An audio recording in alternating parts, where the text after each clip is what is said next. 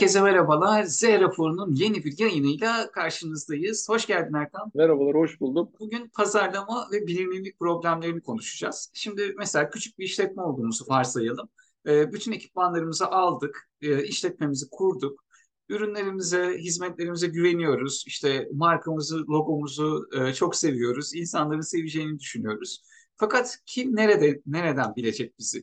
Yani gerçekten de hani insanlar bizim kurulduğumuzu nereden anlayacak, bize nasıl ulaşacaklar, kendimizi nasıl e, ifade edeceğiz gibi bir sorunla karşılaşıyoruz. Evet abi, bizi bilmeyenler nasıl bilecek, markamızı veya firmamızı nasıl tanıtacağız, nasıl tutunduracağız? Bu geçmişteki belli e, algılar bazı sektörlerde devam ediyor. Bizi bilen bilir. Durumu artık bitti falan diye bir kendi aramızda konuşuyoruz. Konuşacağız şimdi seninle.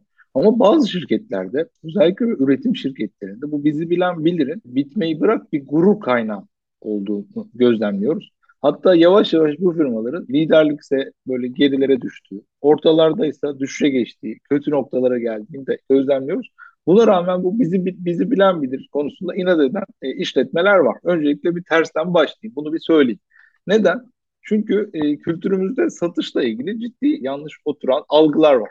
İşte abi kendini satma bana. Satış mı yapıyorsun? Doğru dürüst anlatsana. Ya da işte e, kendini satıyor bırak abi. Hani şey gibi yalan söylemekle, kandırmakla, e, böyle e, işte bir şekilde e, aslında doğru olmayan ama ikna ederek e, istenen sonuçlara ulaşmakla e, eş değer tutuluyor bu satış, pazarlama falan falan kültürümüzde bazı noktalarda. Hatta biliyorsun ben bununla ilgili şey söylüyorum biliyorlar bana. Pazarlama yüksek lisansı yapıyordum böyle işte eve geldim. Kapıyı ana kapıyı açacağım. Kapıda yazıyor pazarlamacı giremez diyor. Ya ben bu yüksek lisansı bitirmesem mi acaba? Eve mi giremeyeceğiz? Özellikle üretim firmalarında mühendislik kökenli kişiler üretim işte ARGE bir sonuç ortaya koyuyorlar. Bu insanlar da baktığında bir şey yaratıyor. Yani biz biri satsın bunu. Ben yapayım biri bunu satsın. Yani o önemli değil. Bu standart bir iş olarak görüyor. Çok da benimsemiyor aslında. Hatta bunu hizmet olarak almaya çalışıyor. Açıkçası kazıklanıyor. Doğrudan söylemek lazım bunu ya da bunu ortakla halletmeye çalışıyor. Ortaklardan gol yiyor. Bu anlamda benim ilk önerim şu olacak. Önce bu pazarlama denen şeyin gerekliliğini herkesin bir bünyesinde kabul etmesi lazım. Hani e, yıllar önce bir Ahmet Mete Işıkara diye bir profesörümüz vardı ya depremde de ilgili bir sözü vardı. Depremle yaşamayı öğrenmeliyiz diye. Bu insanlara söylüyorum. Bazı kişiler için zevk pazarlama. Ama pazarlama zor gelen insanlara pazarlamayla yaşamayı öğrenmelisiniz diye bir sloganım olacak bu günün mesajı. Bunu kabul ettikten sonra abi nasıl biliniriz konusu kendiliğinden açılmaya başlıyor zaten. Eskiden bir işletme açılırdı abi. Herkes ilk bir satın almasını e, oradan yapar. Yani böyle adet bir iş açılsın. Hani böyle nasıl işte insan ev, ev kurar, yardım edersin, evine bir şey alırsın. işte düğününe gider altın takarsın. E burada da herkes bir ilk, ilk siparişini ona verir ilk böyle bir şeyini alır gibi bir imece, bir yardımlaşma kültürü vardı aslında zaman içinde. Hala bu ufak tefek bir yerlerde var var aslında. Bunlar ama artık bitti. Çok fazla firma kuruluyor. Her firmadan çok fazla seçenek var. Rekabet çok kızıştı. Kar marjları çok daraldı.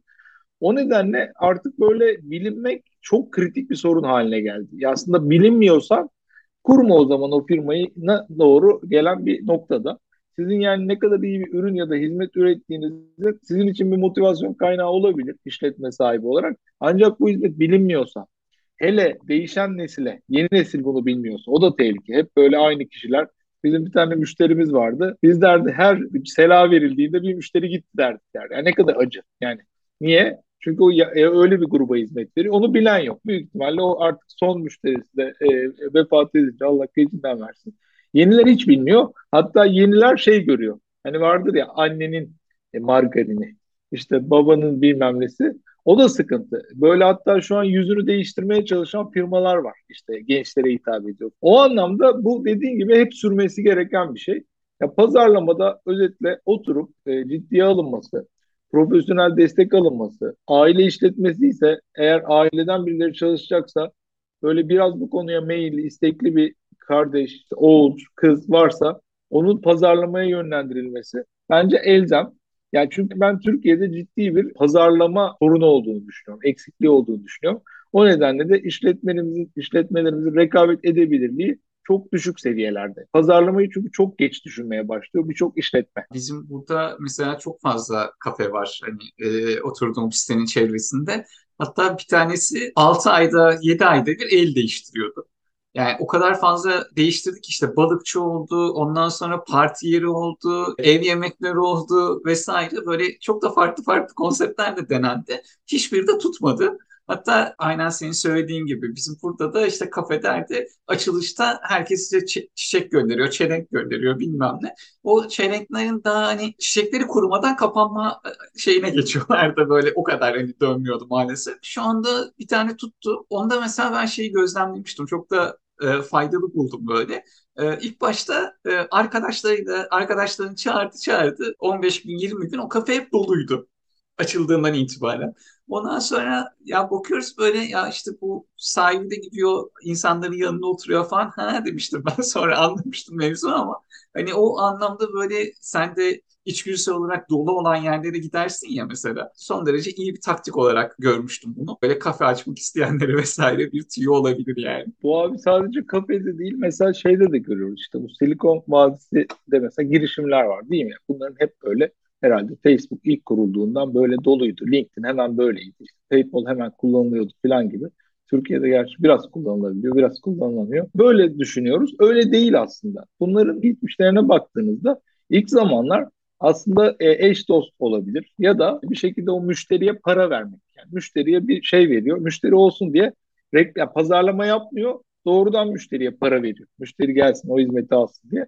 Hatta PayPal'da hikayesini okurken görmüştüm kendileri para gönderiyorlarmış birbirlerine. Yani işlem dönsün diye. Zaten bir deneme de yapacaksın.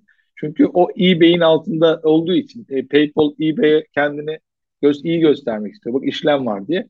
Adamlar pazarlama bütçesi yapmışlar. Ya bu pazarlamaya verip riske atacağımızda dönecek dönmeyecek belli değil. Kendimiz en azından gönderelim de o, o işlemler olsun gibi buraya varacak kadar pazarlama e, şeyleri var. Yani çünkü o ilk kalkışı yaratmak, ilk güveni oluşturmak kolay değil. Çünkü bir ürünü kimse ilk deneyen olmak istemez. Yani çok böyle az bir kesimdir o, zevk alır ondan. Ama o bile güvenir. Mesela Apple'ın ilk ürününü denemek ister misiniz? İsteriz. Çünkü adamlar bundan önce bir başarı hikayeleri var. Ama atıyorum Erkan e, işletmelerinin ilk ürünü denemek ister misiniz? Ben o zaman istemem. Ben kendi ürünüm bile denemem yani. Neden? Çünkü sıkıntı. O yüzden o bahsettiğin şey birilerinin denemiş olması, güvenmiş olması toplumsal bir ne diyeyim kanıt yaratıyor insanların zihninde. O yüzden bunları da bunları da devreye almak lazım aslında baktığın zaman pazarlama tarafında. Bence çok güzel bir e, yere gitti konu. Arkadaşım müthiş bir pazarlama zekası vardır bu arada yani olağanüstü. Bir bar açıyor. E, fakat hani e, bir mekanı satın alınca içerisinde değişiklikler yapacaksın ya kendi konseptine uygun olarak. E, dolayısıyla o da e, hani tadilata giriyor önce. Fakat e, böyle normalde tadilat yapınca ne olur işte şey yaparlar hani çevresini falan işte bir şekilde brandayla brandayla kapatırlar bilmem ne işte tadilattayız özür dileriz falan. Bu öyle yapmıyor. Çok güzel bir kapı yapıyor ama kapı olması gerekenden çok daha büyük. E, güzel böyle ahşap bir kapı alıyor. E, içeride tadilat yaparken e, kapıya şey diyor özel parti diyor. Ve kapının önüne de aklına yani hani bu en iyi spor arabaları düşün, en lüks otomobilleri düşün. Onları da kapıya koyuyor böyle. Hani sanki o arabaların sahipleri partide gibi. Değil abi bar tadilatta. hani ve böyle o kapıdaki yazı bir de iki tane de güvenlik koyuyor. Şey e, hani bodyguard koyuyor kapıya. Adamların hiçbir işi yok. Zaten giren çıkan da yok. İçeride tadilat var. Tadilattayken pazarlamasını yaptı ve açtığı zaman kapıları patladı mesela. Daha iyisini ben duymadım öyle söyleyeyim böyle. Hani... Bu şeye çok güzel bir örnek abi. Bu pazarlama konusunda ya e, baktığında sen de ben de ister istemez pazarlamanın içine girdik. Ya. Gerek tecrübe, gerek ben mesela aslında pazarlama konusuna satış pazarlama birlikte ele alırsak üniversite zamanı eskilerden böyle çok uzak biri gibi gözüküyordum. Yani neden? Daha işte analitik, içe dönük, işte hesap kitap yapan, işte strateji üreten falan bir adamım ben yani. Mühendisliğe doğru kafası giden. Ama sonra baktım farkı yaratan bu. Yani farkı yaratanın pazarlama olduğunu fark ettim çok hızlıca. Sonra e, öyle bir o, konu oldu ki işte o zamanlar işte saygıyla anıyorum hepsini. O zaman hocaları pazarlama yüksek lisansı yapmama asistanım ya bir yandan izin vermiyorlar yani. Ya ne gerek var? Gel muhasebe yap, gel bilmem ne yap. Bakıyorum herkes muhasebeci, finansçı zaten. Orada da bile fark yaratamıyorsun. Niye ben yapayım bunu? Ben zorladım, pazarlama yap. Ya yani o anlamda oralarda baktığımda akademide bile pazarlamanın çok e, e, bazı şeyleri tenzih ediyorum. Çok başarılı insanlar var. İçselleştirilmediğini e, gördüm. Ondan sonra pazarlamaya girdikten sonra E, bu e, şey e, düşüncesi beni çok etkiledi. Lisansta başladım. Sonra yüksek lisans pazarlama olunca onun üzerine çok kafa yordum. Pazarlama ne zaman başlamalı? Pazarlama genelde hep üretimden, hizmet ya da normal üretime faaliyete geçtikten sonra başlamalı gibi bir eğilim vardı. Yanlış bir uygulama vardı. Tabii kitapları açtığınızda doğrusu yazıyor ama bu içselleştirilmedikten sonra ki neye yarar? Ki pazarlama ile ilgilenen profesyonelleri göz ön, gözümüzün önüne getirelim abi. Satış pazarlama ile ilgilenen alaylı profesyonelleri. Zaten adamlar kitaba çok uzak adamlar. Yani o yüzden onlar o kitapları hiçbir zaman okumuyorlar. Ya bir finansçı kitap okur. Yani bir muhasebeci kitap okur. Üretimci kitap gerekirse okur yani şeyse. Pazarlama satışı yok. Daha insan ilişkileri bazı çözmeye çalışan bir alaylı kesim var. Değişti bu tabii yavaş yavaş. Özetle orada pazarlamanın üretimden hatta iş, iş modelinden önce yani ben iş modelini kurarken e, bir fikir ortaya attığımda müşteriler bunu satın alır mı? Müşteriler buna ne kadar öder? Müşteriler bunu ne yaparsam, ne gibi şeylerle fark yaratırsam benden alır. Çünkü piyasada öyle ya da böyle rakipler var. Böyle hiç rakibin olmadığını düşündüğün bir alanda bile sana yakın ürünler var. Yani atıyorum bugün bir tane e, şehir düşünün. Tiyatro hiç yok diyelim. Tiyatro açacak. Tiyatro bir açsak para yapar ya falan diyorsun. Ama orada çay bahçesi var. Orada sinema var. Bu rakip. Yani aslında birebir aynı şeyi yapmıyorsa da insanların vaktini geçirdiği yer ya orası ya orası. Ya da atıyorum e, böyle futbol izlem izleyicileri var mesela. E, gidiyor adam maç izliyor yani tiyatro izleyeceğine falan. O anlamda baktığında e, bu, bunlara böyle gerçekten daha önceden kafa yormak lazım. Arkadaşım çok iyi bir e, şey yapmış gerçekten. Yani çok aslında çünkü pazarlama algısının yaratılması bir zaman alıyor. Bunu bunu bir an önce başlatıp üretim, artık işte e, hizmet üretecekse hazırlıklar, e, orada tadilatmış bu mesela. Bu anlamda hastane yapıyor olabilirsiniz mesela. Hastane yapmak ne kadar zor yani. İnşaat yapacaksınız, ameliyat malzemeleri, doktoru istihdam edeceksiniz, bir şeyler bir şeyler. Bunların hepsi bittikten sonra pazarlama yaptığınızda şöyle hastanemiz açıldı. Biz de sizi bekliyorduk tam yani. Yani yok öyle bir şey. Sen bekliyorsun. Sen yani bir senedir uğraşıyorsun. Zannediyorsun ki hemen insanlar gelecek. Hayır. Aynı bir sene boyunca senin ufak ufak pazarlama yapman gerekir. Nasıl yapabiliyorsan. Kapalı ama nasıl yapalım? Yapılabilir. Bir şekilde yapılabilir yani. Artık online görüşme mi yaparsın? Başka bir şey mi yaparsın? Bir yolunu bulup süreyi paralel kullanmayı öğrenmesi lazım aslında işletmelerimiz. Evet kesinlikle. Ya şey de geleceğim ben. Şimdi hani insanlar artık böyle tanıtım deyince, pazarlama deyince belki de fiyatları çok uygun olduğu için çoğu zaman bedava ama bazı zamanda işte paketlerle beraber oldukça uygun fiyatlara satın alabiliyorsunuz. Herkes böyle sosyal medyaya yöneliyor. Mantıklı da hani günümüzde. Fakat e, şöyle bir durum var. Özellikle böyle bazı işletmeleri görüyorum ben. İşte suyunu çıkarmak mı ne denir artık hani daha böyle kibarca e, ifade etmeye çalışıyorum ama aşırı fazla sosyal medya kullanımı var. Ve e, hani öyle bir şey oluyor ki önemli bir haber de arada kaynıyor o kadar çok paylaşım yapıyor ki böyle yani hani bir tanesi bayağı önemli işte bilmem neredeki merkezlerini açmışlar. Adam kurdele kesiyor. O haber de kaynayı veriyor mesela. Yani hatta ben böyle biraz da korkmaya başladım. İşte kurumsal hesaplarda yakında kedi videoları falan paylaşacaklar diyorum. Böyle iş oralara doğru gidiyor. Var, var bu var bu arada. Kendisi paylaşıyor. Bir bağlama oturtuyor. LinkedIn'de çok görüyorum ben. Hani ofisteki çalışanlara pazarlama yapıyor. Çalışan adaylarına. Hmm. Hani ofisteki huzuru simgelemek için işte kedimiz şöyle yaptı böyle yaptı diyor. Ofisteki e, huzuru şey yapmak istiyor. Oralardan bir pazarlama var müşterilere paylaşan görmedim. Benim de işim hani kimyager olduğu için o ona da mesela ilk öğretilen şeymiş o okulda bir ilaçla bir zehri ayıran tek şey dozdur diyor. E, Paracelsus dünyanın en eski kimyagerlerinden bir tanesi. Yani her şeyin dozu çok çok önemlidir diyor. Burada da bence şey bir sıkıntı var o dozda. Yani nasıl bir paylaşım sıklığı olması gerekiyor vesaire bilmiyorum. Yazı e, bir e, kitabı kanununda yoktur ama dozunda yapılması gerekiyor gibi geliyor bana. Normal aslında hayatta ne yaşıyorsak e, bunu dijitale de aktardık gibi düşünebilirsiniz. Yani bazı firmalar gerçekten pazarlama konusunda her şeyi yapmaya çalışıyor. İşte katalog bastırıyor, web sitesi var, o var, fuar fuara katılıyor, her yerde oluyor, satışları sahaya salıyor. Ee, böyle agresif pazarlama diye e, tabir edilen piyasada bir yaygın bir şey var. Yani böyle bu terimi kim ne yapmış, ne etmiş bilmiyorum ama var yani bunu görüyorsun. Adam sabah akşam ekibiyle pazarlama düşünüyor.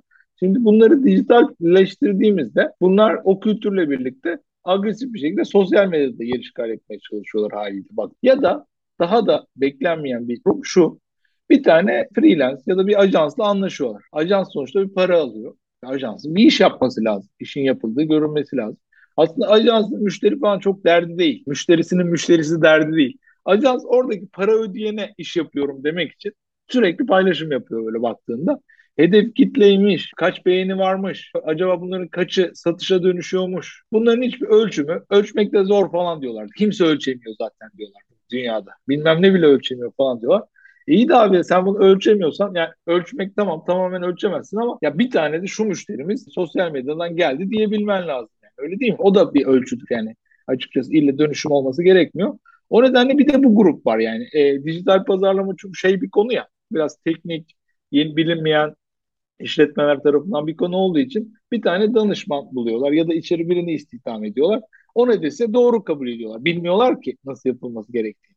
O yüzden şu anda hep beraber bir öğrenme sürecinde olduğumuz için bir grup firma senin ilaç benzetmen çok güzel abi ilaca karşı ben ilaç kullanmam, doğal yaşam. Adamın ya bir organ uzunluğunu kaybetse adam yine ilaç kullanmıyor. Kaybedeceğini bilse. Yani niye karşı? Pazarlama bir şekilde hiç yapmıyor. Hiç dijital pazarlama yapmayanlar var. Bir de her yere ilaç yiyormuş olanlar var. Her yerde varlar. Yani niye varlar? E, hedef kitle belli mi? E, amaçları ne? Belli değil.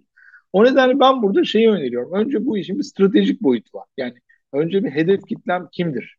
Ben onlara hangi hedef kitle alt segmentine, alt segmentine hangi ürün ya da hizmetleri sunuyorum? Bunları hangi fiyattan sunuyorum? Bunlarda benim farklarım neler rakiplere göre falan gibi böyle bir önce bir işin stratejik pazarlama tarafını halledip bu bazın üzerine dijital pazarlamanın oturtulması gerektiğini düşünüyorum. Bir marka bilinirliği olabilir. Arada işte özel günler mesela. Özel günlerde çok paylaşım yapanlar var baktığınız zaman. Ama bakıyorsun e, yalnızca özel günlerde paylaşım yapan bir, bir ekol de var. Yani niye? Arada çünkü paylaşacak bir şey yok. Ya da var aklına gelmiyor. Yani vardır her işletmede paylaşacak bir şey vardır. Instagram'ına bakıyorsun. Son 10 paylaşım hep özel gün. Yani belirli günler haftalar takvimine benziyor. Oradan anlayabilirsin hangi günler var. Bayramları tahmin edebilirsin. Bilinirlik yaratmak gerekiyor aslında. Paylaşıp unutturmamak gerekiyor. Yani bununla ilgili sıklık e, bence bunun bir ölçüsü yok. Yani açıkçası kitleye göre değişir. Ama bir ay boyunca hiç paylaşım yapmadıysan muhtemelen müşteri seni pasif algılıyor. En azından bir girdiğinde şimdi Ekim'deyiz ya. Ekim içinde bir paylaşım görse müşterin iyi olur bence. Ama e, bunun dışında bu bilinirlik yani ben buradayım demek paylaşımları dışında ya da müşterinin yanındayım. Atıyorum geçen günlerde bir, e, çok büyük bir olay yaşandı bence. Ampute milli takımımız dünya şampiyonu oldu. Yani bu olay bu olay çok büyük bir olay. Bu olayın bir sürü tarafı var. Bir, bilmeyenlere bunu duyurma misyonu olmalı markaların. İki, Bilenleri de bunu çok büyük tebrik etti. Dünya şampiyonluğundan bahsediyoruz. Burada. Şey değil. O anlamda burada mesela burada bir ses etmeli. Yani bir e, aslında bu bir fırsat mesela. Ya da mesela bir olay, olaylar oluyor. Kazalar, belalar, şunlar bunlar. Buralarda bir duruş ortaya koyabilir risk almadan. Ama bunun dışındaki bu belirli günler haftalarda bunun içinde. Kendi e, o belirli günler içinde de tüm belirli gün haftalarda değil de kendi ürettiği ürünle daha paralel olanlarda bir tane slide paylaşmak, bir görsel paylaşmak yerine daha aktif bir kampanya e, yapmaları gerektiğini düşünüyorum. Bunların hepsini bir yana koyarsak asıl bence segmentlerine hangi ürünleri, hizmetleri pazarlamak istiyorsa ona uygun bir strateji dahilinde ve bunu sürekli ölçmeli. Sosyal medyada şöyle güzel bir şey var. Ya biz onu ölçemiyoruz deyince bence inanmayın. Yani ölçüyorsunuz. Siz ölçmüyorsunuz zaten. Facebook kendi ölçüyor. Instagram, Facebook zaten aynı. O kendi ölçüyor. Google kendi ölçüyor. Arkaya girip sizin yapmanız gereken tek şey o rakamlara bakmak. O rakamlardan hanginin hangisinin iyi çalışıp hangisinin iyi çalışmadığını o reklamlardan görüp e, ona göre aksiyon almanız lazım. Yani şey gibi bir şey değil bu. Eskiden borsa için söylerlerdi. Al isteği unut abi. Al isteği unut. Orada dursun. Unutamazsın. O reklamlar orada para yakıyor. Senin imajını da zedeliyor olabilir. İyi de olabilir, kötü de olabilir. Belki sen oraya bin lira yatırdın. Ama belki 10 bin lira daha yatırman lazım. Çok iyi gidiyor. Her zaman böyle bir fırsat bulamazsın. Ya da sen oraya yine atıyorum 3 bin 5 bin lira koydun bütçe. Ucundan ucundan gidiyor. Hiçbir aksiyon yok diyelim. Hiçbir aksiyon yok. O zaman bunlara önlem alman lazım. Özetle benim bu soruya cevabım kendine göre bir model e, oluşturmalı firma. O yıllık bir takvim oluşturabilir. Kendi fuarını, ürün lansmanını, işte sezonsallığını, mevsimselliğini bilen biliyordur şirket yani.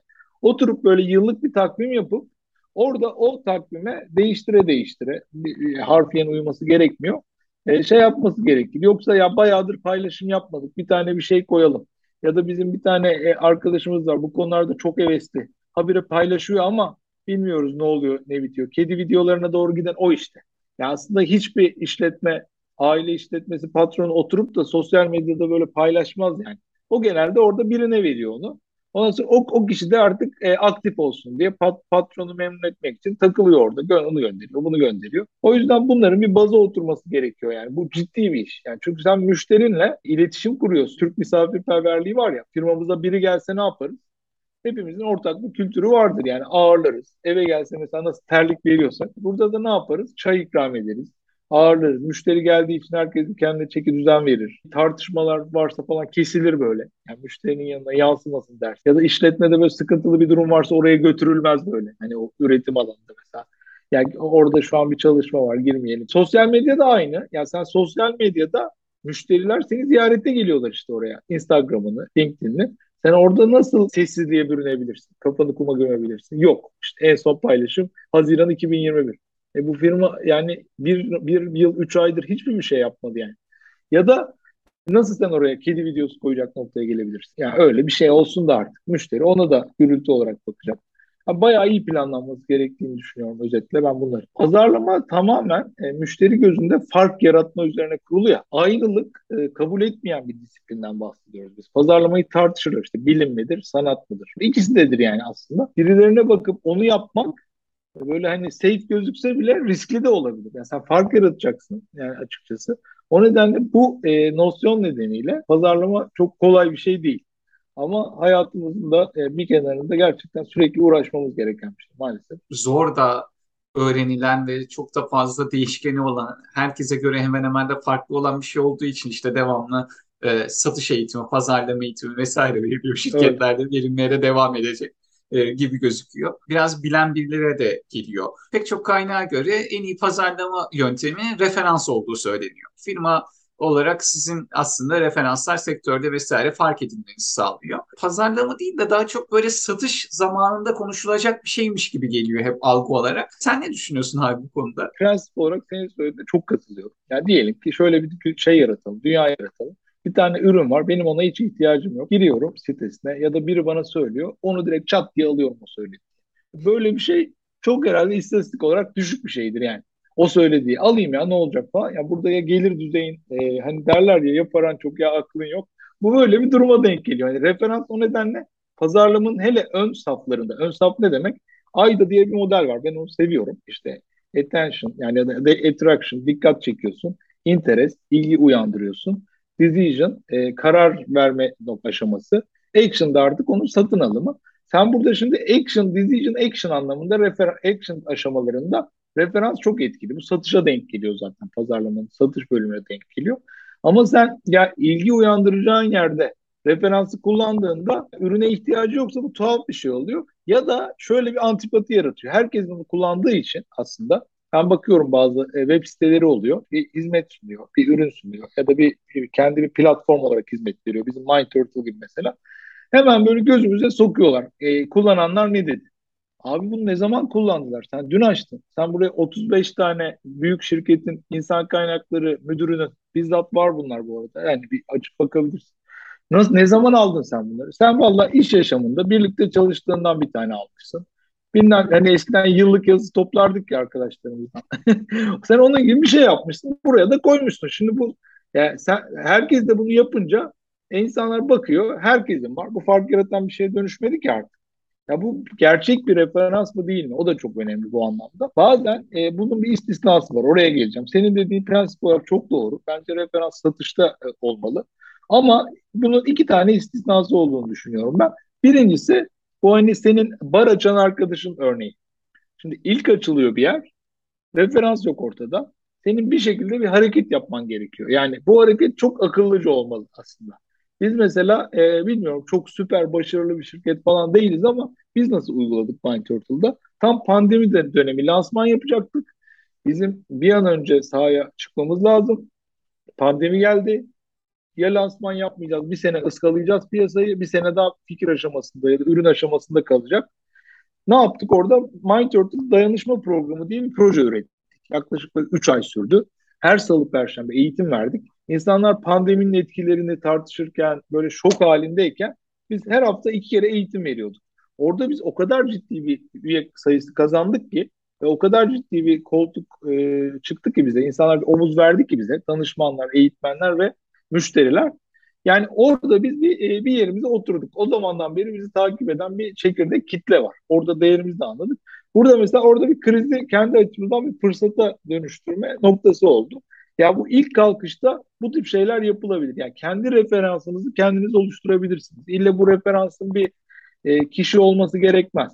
Bu referans bir he, bunu bunu yapan şirket mi bu? Evet ya o zamanlar gerçekten ben bunalımdaydım. Şimdi danışmanlarımıza ya da müşterilerimizin bazılarına sorun. O dönemki bu hareketimizi bilinçaltlarında bir yer tutar hep. Yani döner bir sorarsınız. Evet ya o dönem gerçekten biz bunalımdaydık. Şaşırdık size e, nasıl çıktınız piyasaya böyle falan gibi. De çok destek oldu falan. Kendi referansını oluşturmak diye etiketleyebiliriz bunu. Bununla ilgili fırsatlar hep hayatta var. Örneğin mesela Türkiye Sigorta diye bir sigorta şirketi var.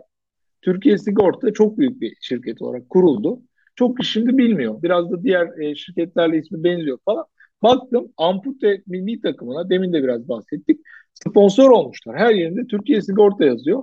Çok ciddi ama mesajları var. Değişmeyeyim altlarını bunu. Ya çünkü baktığında bir milli takım destek veriyor.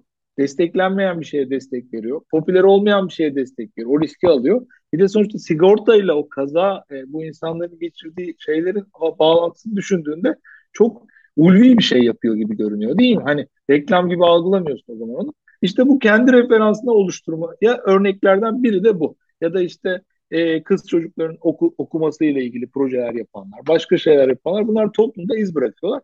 Birinci istisna bu. İkinci istisna da abi şöyle bir durum var.